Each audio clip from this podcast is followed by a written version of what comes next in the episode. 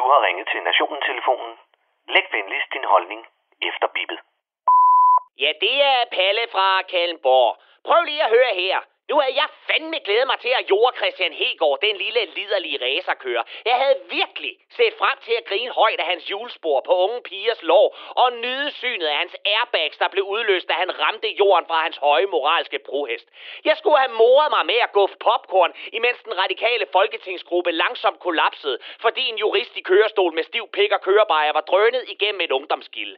Jeg havde glædet mig, glædet mig som et lille barn til at pege fingre af DF's ariske smukke ødibuskompleks Morten Messerschmidt, da han knækkede sammen med tusind dolke i ryggen i retten med ordet etu tulle.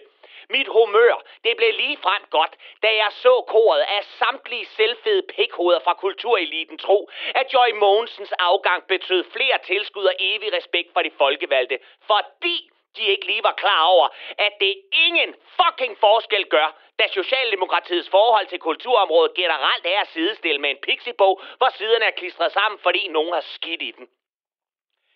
Jamen Palle, hvorfor har du ikke kunne glæde dig over alle de ting? Det lyder ellers lige som noget, du godt kunne være skadefro overfor. Det skal jeg kraftedeme sige dig. For bedst som jeg sad og nullede min brystvorter til feministernes klagesang over nazimilfen Pernille Vermunds softcore-forside i Berlingske, så kom der breaking news. Palle, Palle? Palle, var det det med, at Britney endelig var blevet fri for sin far? Nej, din idiot.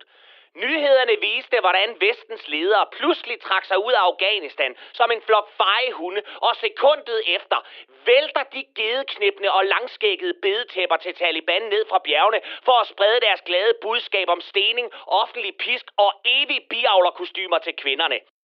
Og tydeligvis så var det uden de store problemer for koranordernisterne at være direkte ind i Kabul, fordi den afghanske hær er mere udulig end soldaterkammerater på efterårsmanøvre. Og hvad gør vi her i landet? Jo, først så skal vi slæbes igennem et ulideligt skuespil fra Jeppe Kofods side, som skal forhandle i dagvis med de andre partier, om det nu også er klogt at hjælpe de afghanere, som har hjulpet os.